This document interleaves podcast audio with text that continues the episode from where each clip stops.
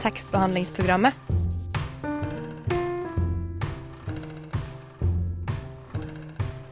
Tekstbehandling på radio.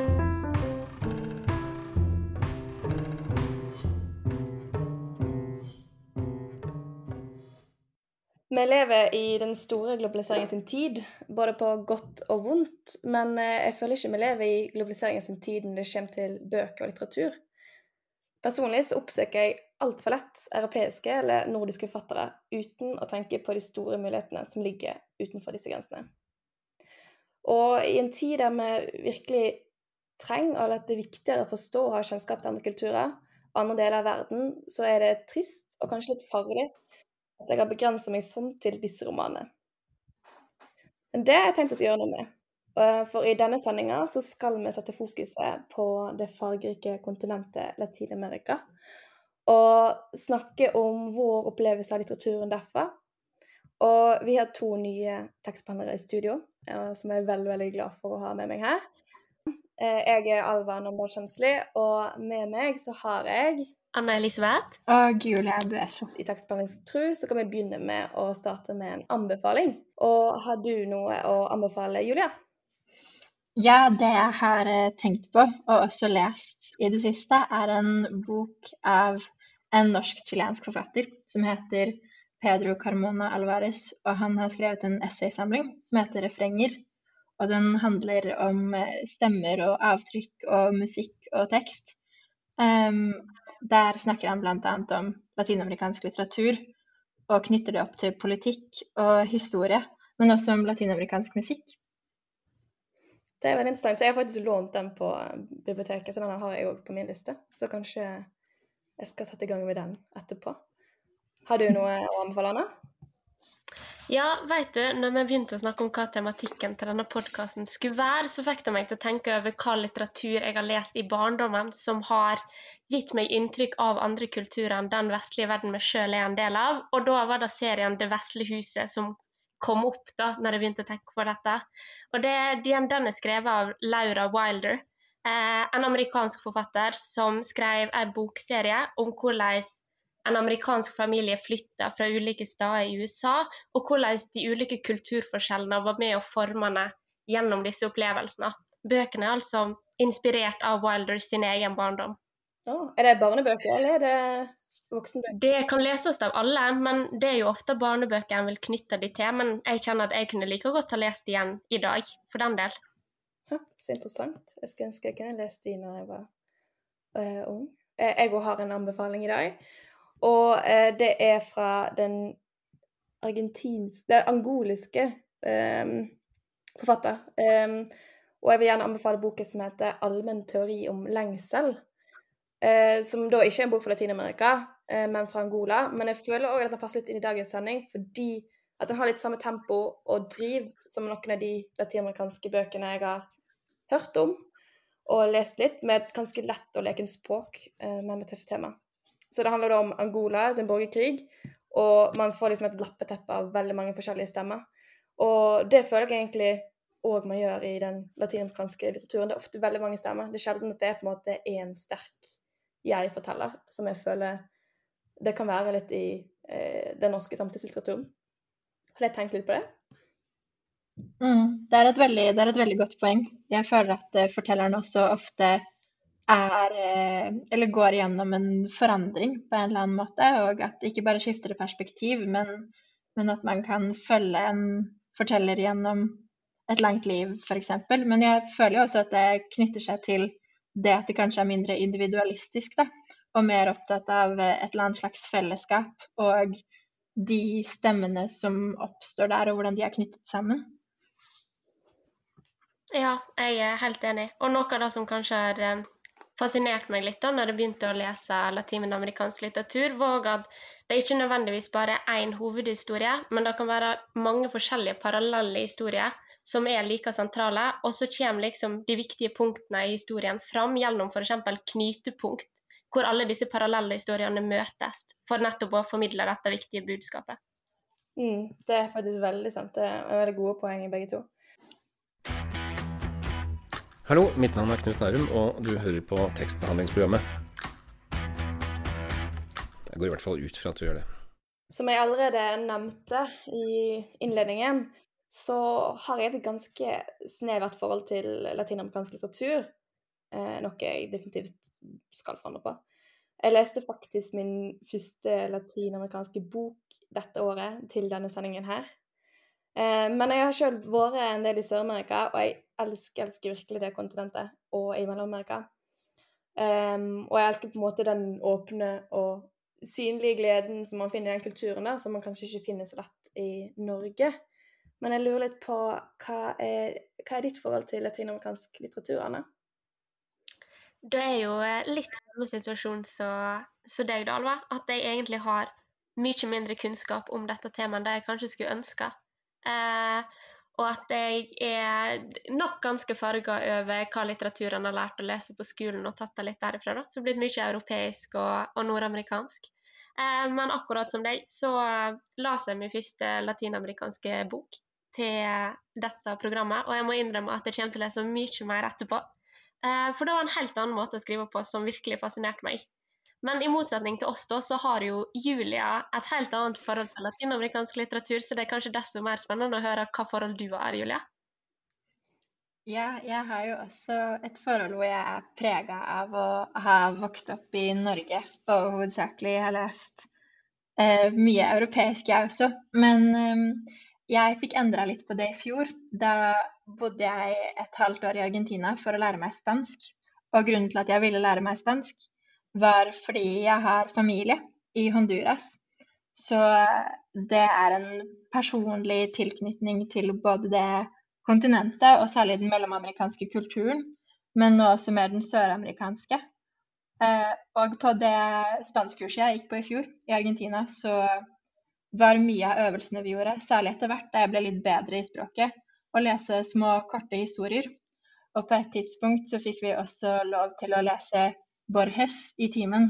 Og da hadde vi på en måte nådd et høyt nivå, når vi kunne lese han og snakke om tematikken i en av hans noveller. Så det var veldig kult, og det var mye mestring i det.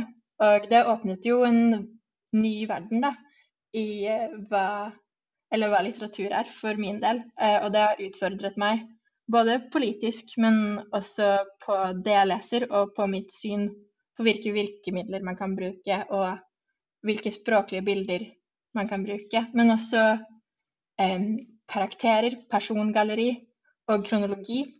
Og magi, da, i historiefortelling. Så det syns jeg er kult. Ja, virkelig. Det er en helt annen måte å, å fortelle historier på, som jeg ble veldig fascinert av. Men jeg òg syns det var litt vanskelig å komme inn i. Det var jo som sagt eh, noe nytt. Eh, og, jeg leste til, til denne sendingen her, så leste jeg eh, 'Chilensk nocturne' av eh, forfatteren Roberto Bolano. Og det handler da om en katolsk prest som ligger for døden, og så ser tilbake på livet sitt. Og så blir man dratt inn i en slags monolog over eh, litteratur, religion og kulturelle strømninger gjennom hans møte med både gamle venner og fiender. Og det var her det kom så veldig mange forskjellige hopp i, i historien, og mange forskjellige karakterer inn, som jeg tok litt tid å forstå hva, hva de gjorde på, i historien, for det var ikke helt sånn jeg er vant til å lese. Um, og det tok litt tid før jeg eh, kom inn igjen, og kom inn i det tempoet. Men uh, når jeg først kom inn i det, så oppdaga jeg òg mange gullkorn jeg kanskje ikke ville oppdaga hvis jeg ikke hadde gitt den litt tid. Um, hva har du lest, Anna? Jeg har lest uh, The Greenhouse av Mario Vargas Llosa. Uh, og han er jo kjent som en av de store latinamerikanske forfatterne som var med på dette boomet på 70- og 80-tallet, da det på en måte ble en av de større tingene, da. Eh, og som jeg var litt inne på tidligere, så introduserte han meg til en helt ny måte å skrive på. Litt sånn samme opplevelse som deg. Han eh, snakker, eller forteller en historie fra to forskjellige områder i Peru. Men det jeg syns er så utrolig stort og fint med verket han skriver, det er måten han klarer å knytte sammen disse to historiene, sammenflettingen. Eh, og så er på en måte budskapet gjennom en veldig lang og ganske tung tekst. Den handler liksom om dette grønne huset som blir fortalt om i, i tittelen, da. Som i løpet av denne boka først blir ødelagt i flammer Og så i løpet av historien så reiser det seg litt igjen som et bilde på en føniks.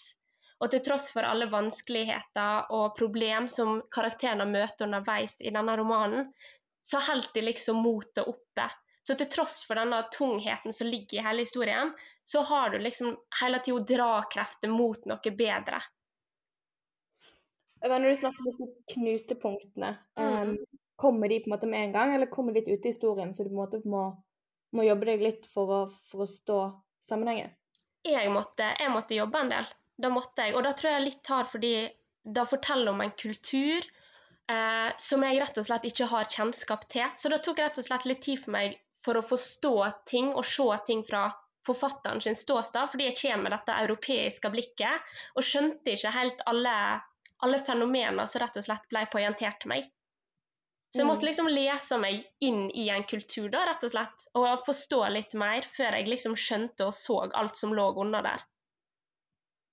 Det er jo veldig interessant. Uh, Julia, hva, du har jo sikkert lest flere, men hva har du lest i tanke på denne sendingen? Med tanke på denne sendingen så plukket jeg opp en bok som på norsk er oversatt til tittelen 'Vanvidd' av en forfatter som heter Horacio Castellanos Moya. Og jeg valgte han fordi han er født i Honduras, sånn som min pappa. Men han flyttet til El Salvador som liten, så han beskrives overalt som en forfatter fra El Salvador.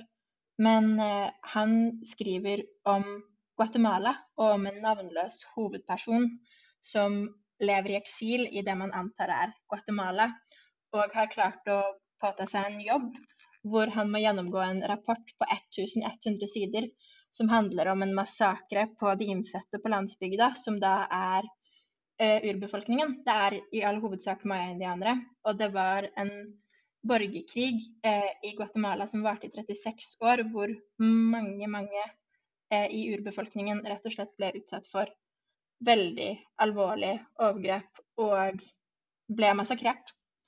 Og mange av de beskrivelsene av de drapene gjengis um, i den boken.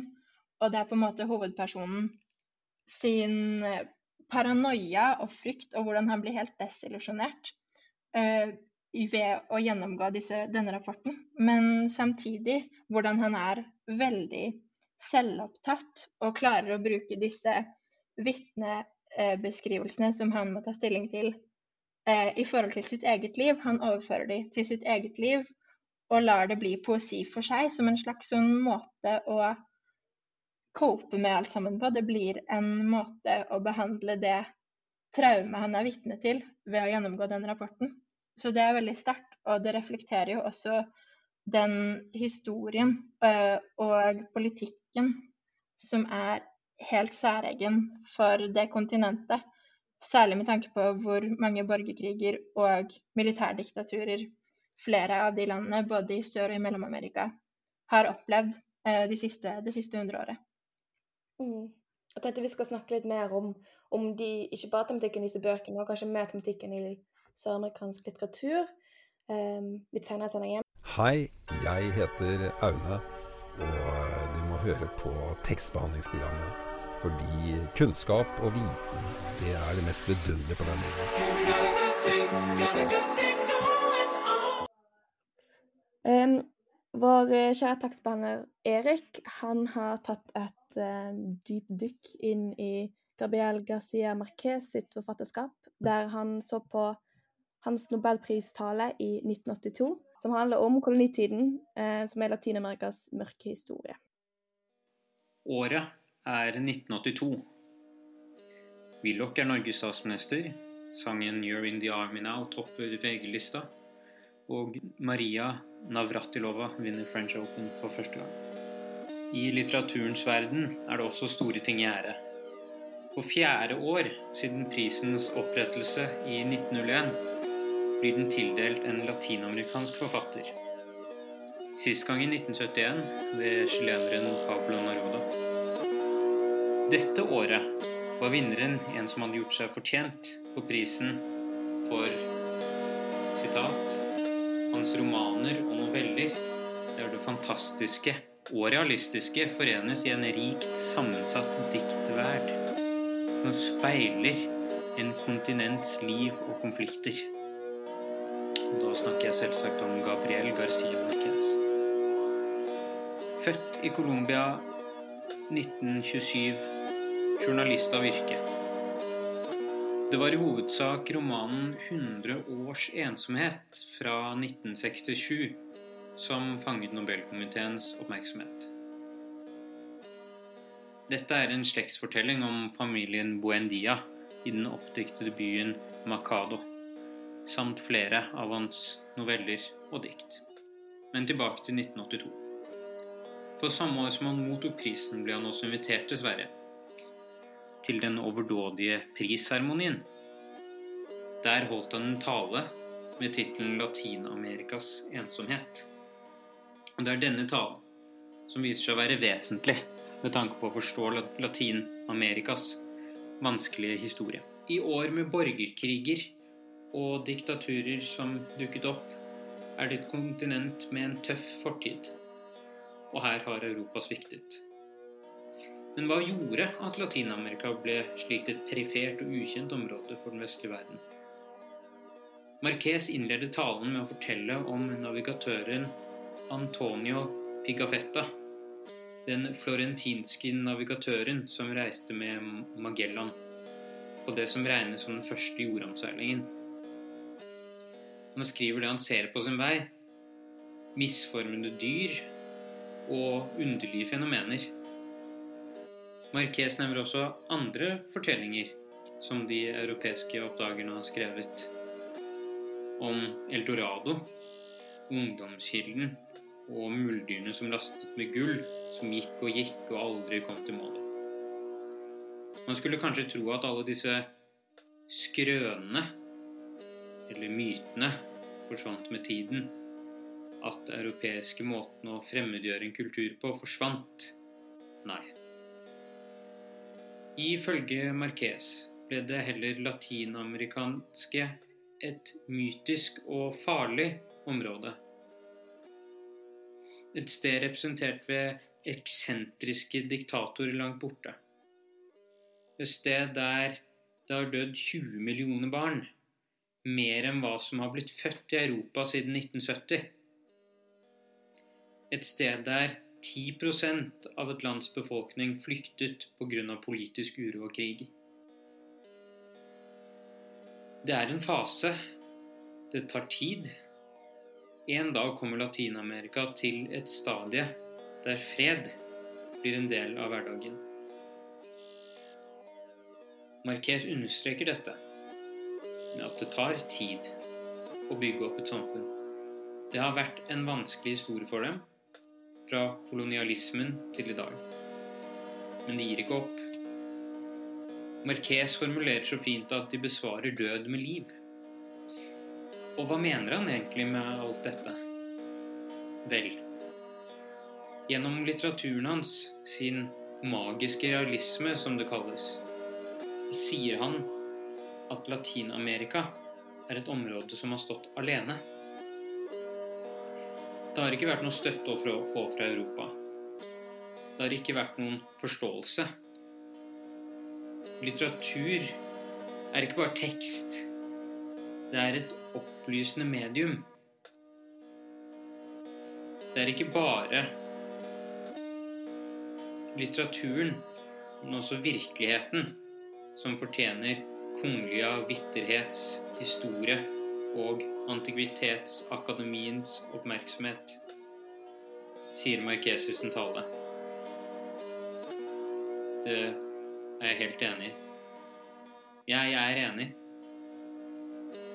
Virkeligheten krever alles oppmerksomhet.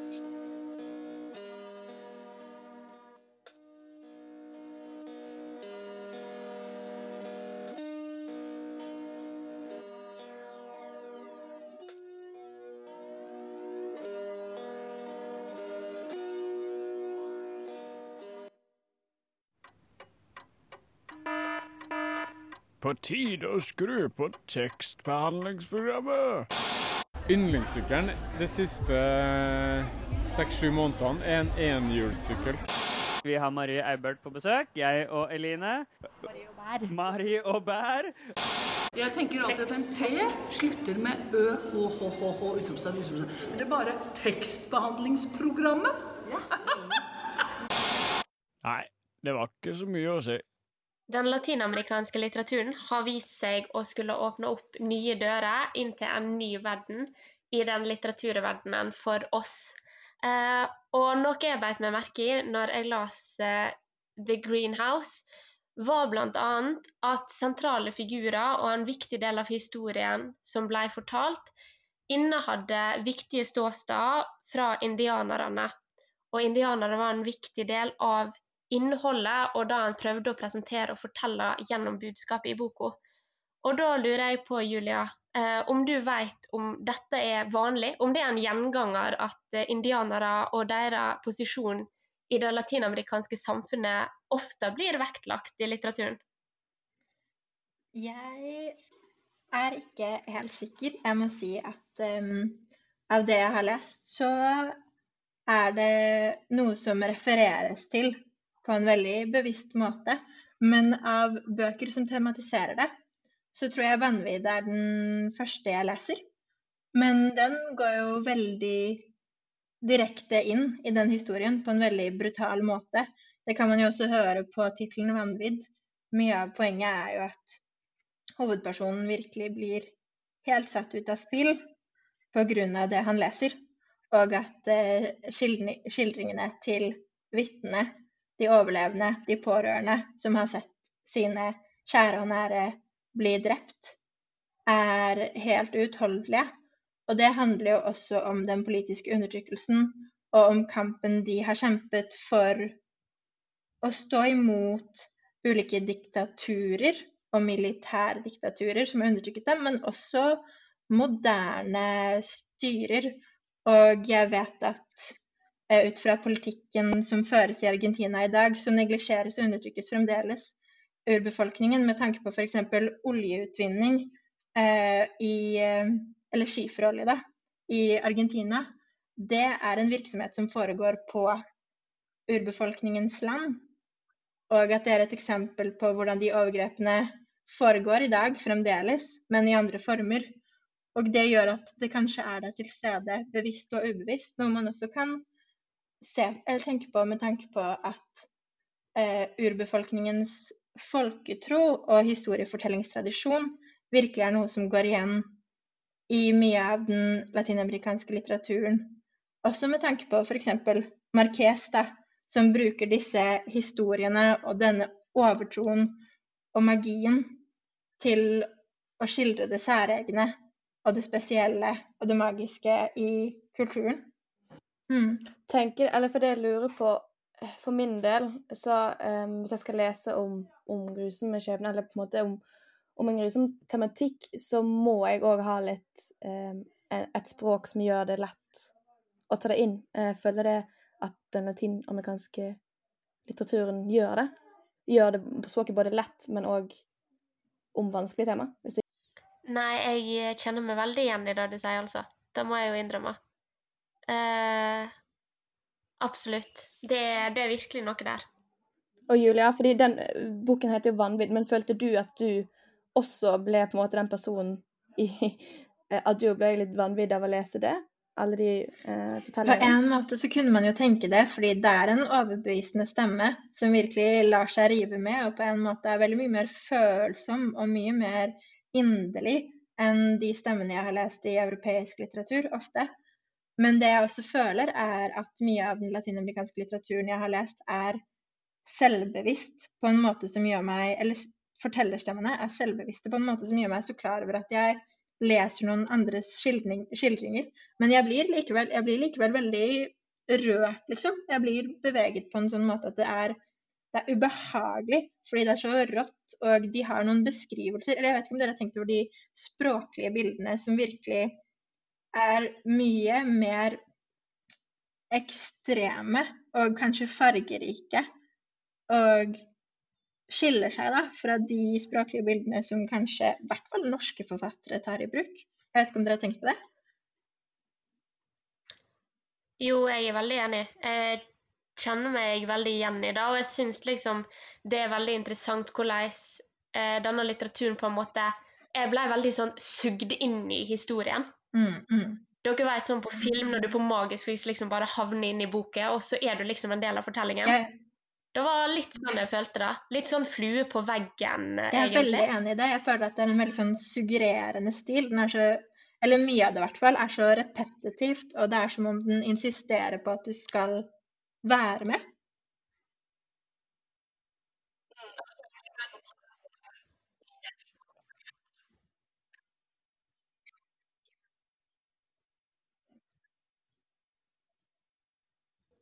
Ja, for jeg synes det, når jeg snakker om dette her å bli dratt inn i historien, og at du på en måte blir en flue på veggen, så tror jeg òg det har masse med det språket og tempoen i språket å gjøre.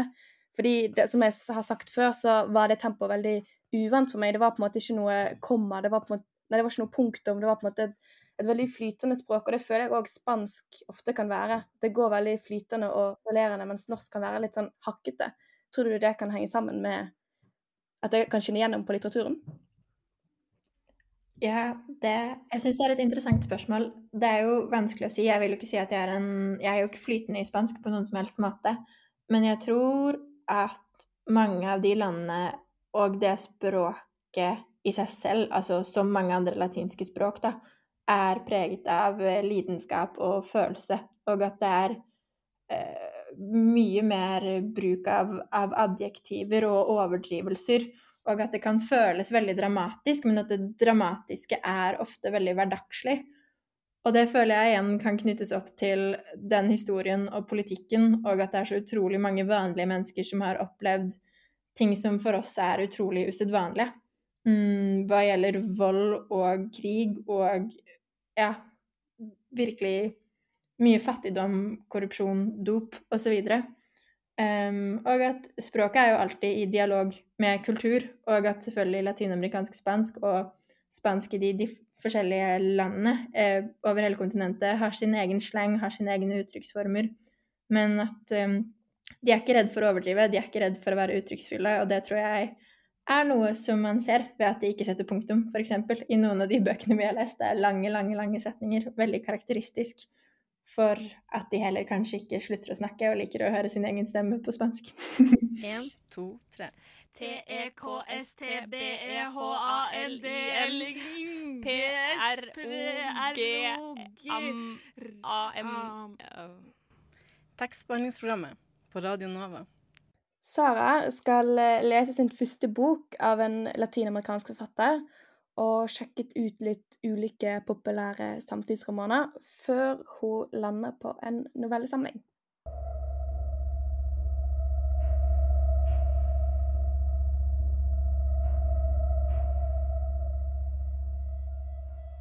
Først viste de puppene.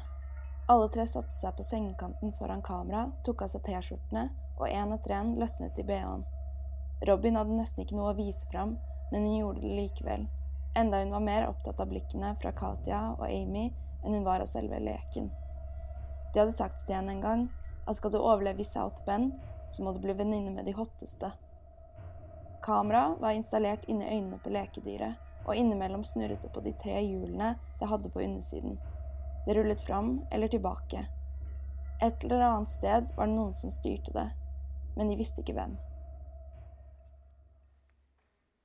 Foran meg på pulten ligger Samantha Schweblins roman fra 2020, 'Kentucky'. Etter å ha lest de ti første sidene og blitt dratt med inn i et ubehagelig Black Mirror-aktig univers, sitter jeg igjen med en ekkel følelse av skam på vegne av denne Robin som viser seg fram for det som er en slags bamse hvor en ukjent person sitter på den andre siden og kan følge med på livet til bamsens eier. Også på pulten foran meg, ved siden av Kentucky, ligger en annen, oransje bok. 'Søndagsrevolusjon' av den cubanske forfatteren Bendy Guera. Jeg legger fra meg Kentucky og begynner på denne istedenfor.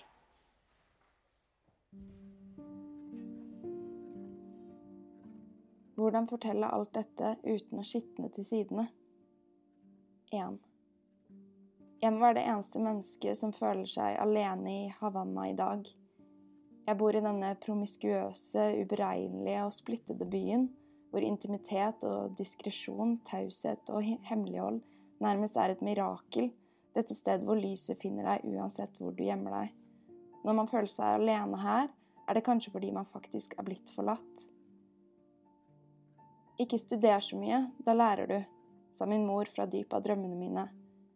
Jeg er en av dem som tror at alt alltid kan bli verre, men denne gangen var jeg sikker på at nå hadde jeg vært gjennom det verste. Intet verre kunne skje meg. Det var det jeg hadde lært i løpet av de månedene jeg hadde ligget rett ut, i ørske, langt borte fra verden og meg selv. Igjen leser jeg meg rett inn på soverommet til en kvinne. Denne gangen en deprimert forfatter som etter å ha mistet foreldrene sine, har latt livet rundt seg forfalle og stengt seg inne. Jeg rekker akkurat å få med meg at hun har vunnet en litteraturpris, og med det 50 000 euro, for sin første og eneste diktsamling, før selvmordet. Dette gjør at hun må samle seg og dra til Spania for å skape litt blest rundt utgivelsen. Tross dette lyspunktet er det den nedstemte og oppgivende tonen som preger de første sidene. Både Kentucky og Søndagsrevolusjon har for så vidt klart å fange meg på bare de 10-15 sidene jeg har gitt dem, og selv om det enten er en ubehagelig eller nedstemt tone jeg sitter igjen med, er de begge gode kandidater til den første latinamerikanske romanen jeg skal lese. Men jeg må videre,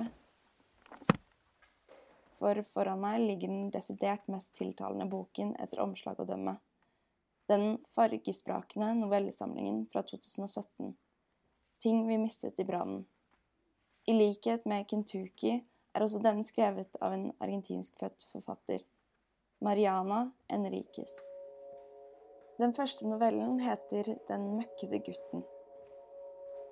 Familien min tror at jeg er gal som valgte å flytte inn i familieboligen i Constitution en steinkloss i Calle Vireies med grønnmalte smijernsdører, art deco-detaljer og gamle mosaikkfliser som er så nedslitt at hvis jeg hadde funnet på bonegulvet, kunne jeg fått meg skøytebane.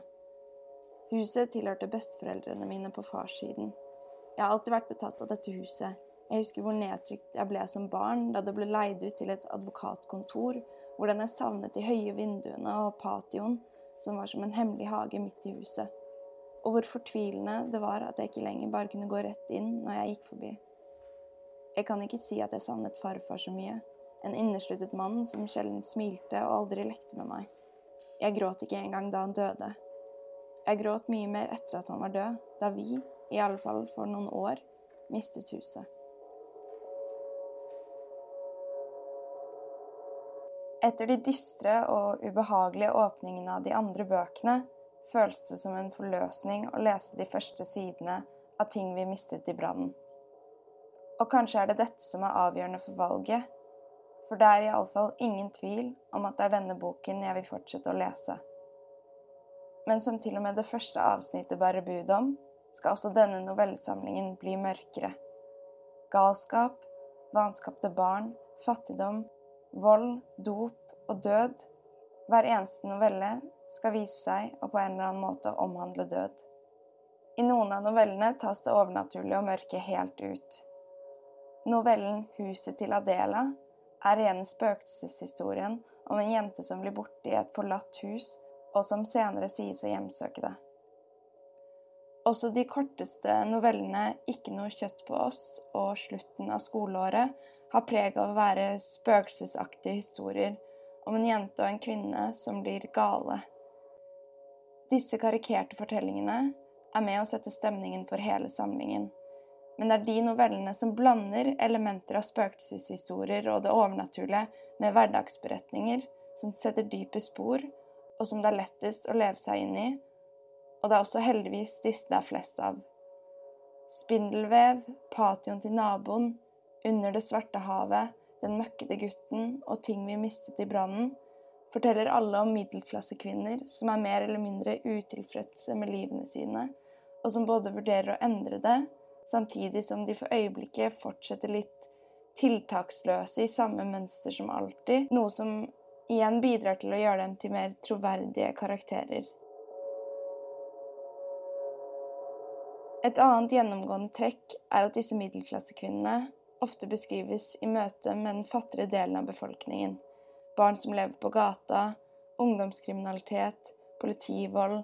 Ja, faktisk beskrives politiet aldri i gode termer. De er uberegnelige og ofte påvirket av alkohol og trakasserende. Men i og med at hovedpersonene er på riktig side av loven, er det som regel ikke dem selv som er i konflikt med myndighetene.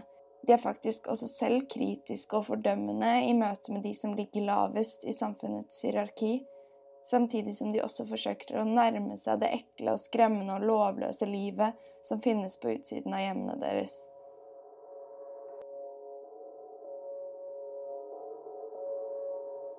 Det er ingen mangel på groteske skildringer i Mariana Henriques noveller. Men samtidig holdes som regel det mest ubehagelige på en viss avstand, og den ekle følelsen får sjelden helt tak, slik som den fikk fra første side av Samantha Schweblins roman 'Kentucky'.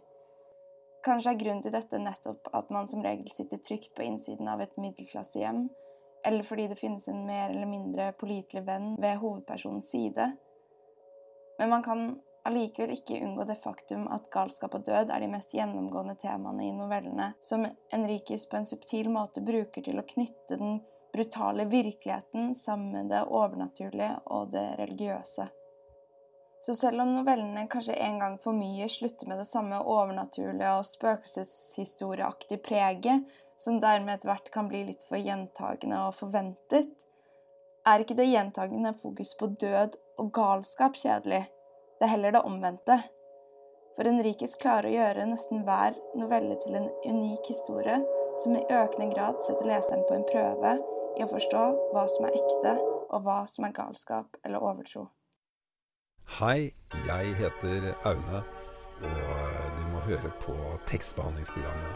Fordi kunnskap og viten, det er det mest vidunderlige på denne jorda.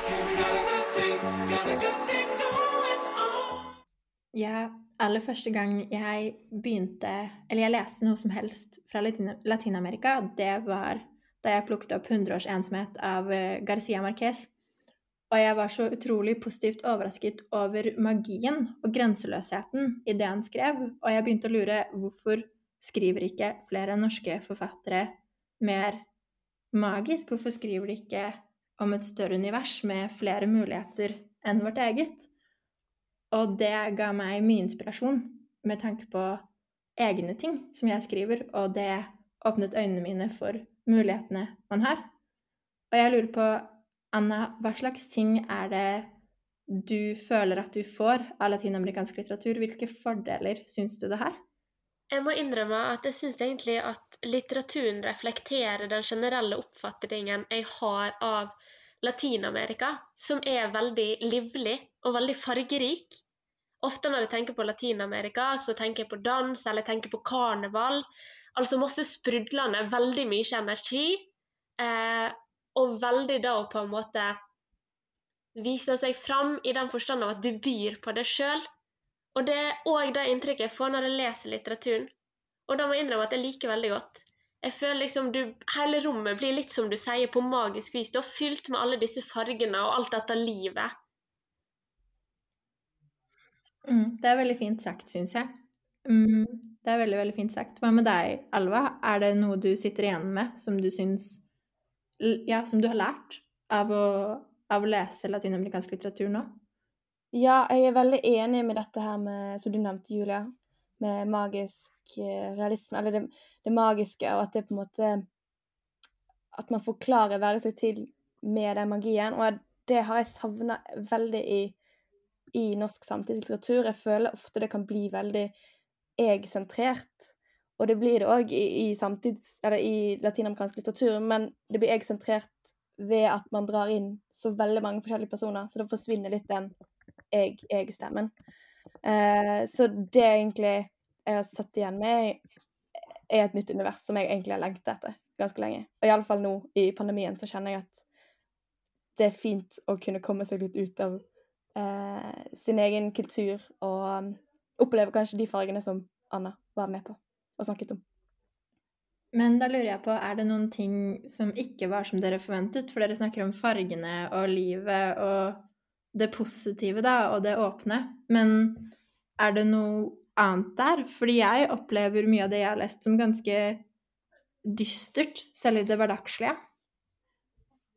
Mm, ja, ja, definitivt. Det er jo ikke bare farger. men det um, Jeg tror det har litt med det språket som vi snakket om allerede, at uh, det dystre føles òg ikke fargerikt, men det føltes lettere enn det dystre jeg har lest uh, fra europeisk eller uh, norsk samtidslitteratur.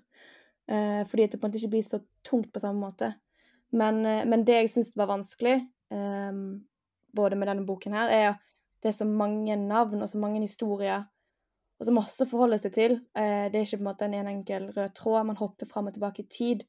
Eh, jeg syns det er vanskelig å på en måte få den essensen eh, av boken. Og det kan være litt negativt, fordi eh, for min del kan det føre til at jeg ikke orker å lese videre. Eh, at det Ja. Mm. Opplevde du det nå med chilensk nokturne? At du syntes det var en ting som var utfordrende? Definitivt. Um, ja, definitivt. Jeg måtte tynge litt gjennom. Og så kom jeg, som sagt, så kom jeg litt i den, og kom i det tempoet. Um, og, og, og, klarte på en måte å legge vekk alle de personene som kom inn hele tiden, som jeg ikke uh, forsto helt hva som hadde med historien å gjøre. Uh, og da uh, likte jeg den bedre, men fortsatt så er det mye mer annerledes enn det jeg er vant til å lese. Um, som er positivt, men det kan òg være negativt. Ja, jeg har kjent litt på det. I europeisk kontekst da, eh, så er han jo veldig opptatt av denne her strukturen i en tekst. Eh, og da var kanskje noe som jeg hadde litt vanskelig med å få tak i den latinamerikanske litteraturen. da. Det blir litt som du sier, det var litt hopping og litt fram og tilbake, mens jeg av og til så trengte liksom noe å holde litt tak i. Og da forsvant litt av og til. Mm, jeg er veldig enig med det. Og da er det vanskelig på en måte å Det er kanskje litt vanskelig å få den flyten um, som jeg ofte kan få Eller ja, ikke flyten, men det å føle at jeg kan hoppe inn og ut av boken, var litt vanskelig.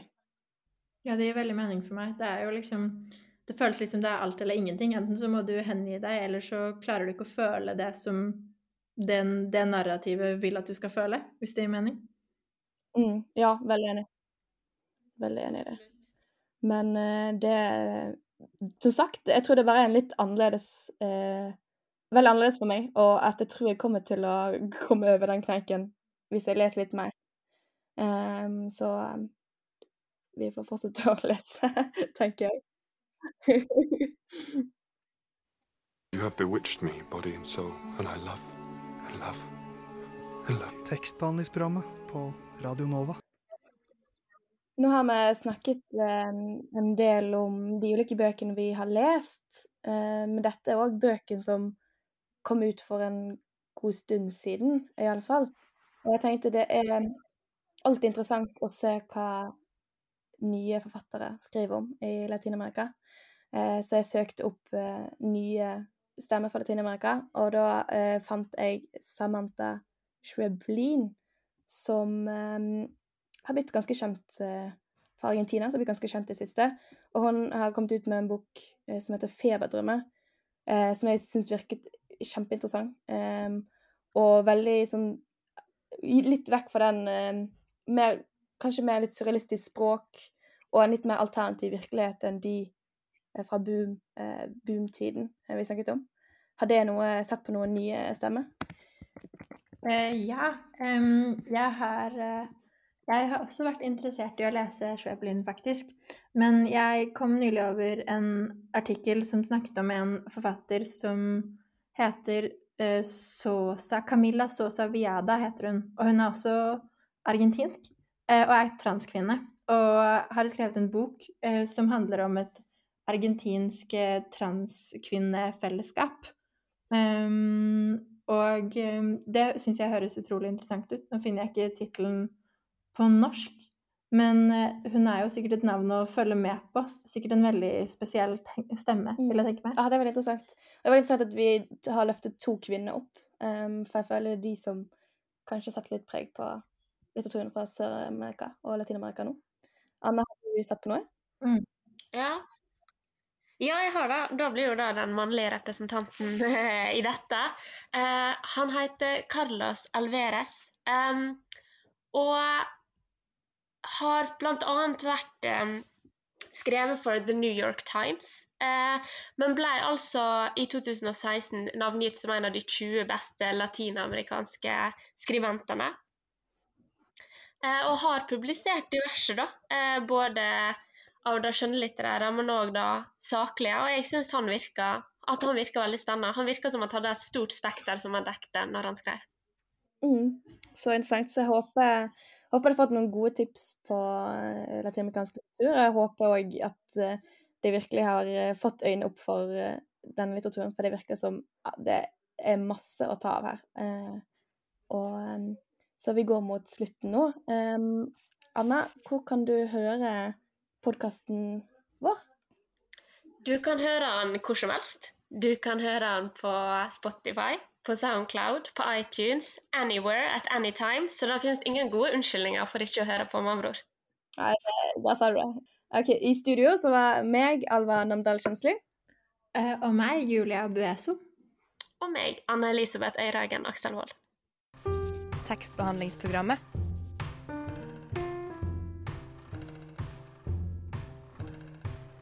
Tekstbehandling på radio.